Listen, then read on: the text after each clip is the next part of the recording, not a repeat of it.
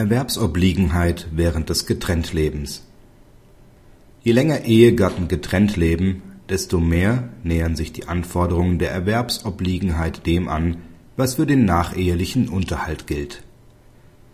Die Ehegatten haben 1984 geheiratet. 1985 und 1987 kamen die beiden Söhne zur Welt.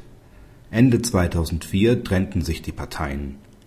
Die Ehefrau hatte wegen der Familie 15 Jahre nicht gearbeitet, war bei Trennung 50 Jahre alt und geht einer Teilzeittätigkeit nach.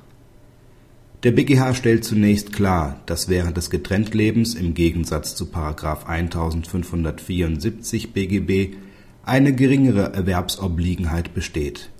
Die bei der Trennung bestehenden Verhältnisse sollen geschützt werden.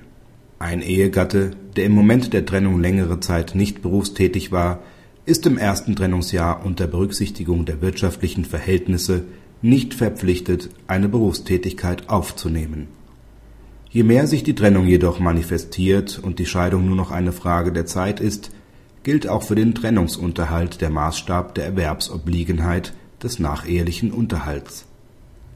Praxishinweis Die Entscheidung ist nach Inkrafttreten der Unterhaltsrechtsreform ergangen.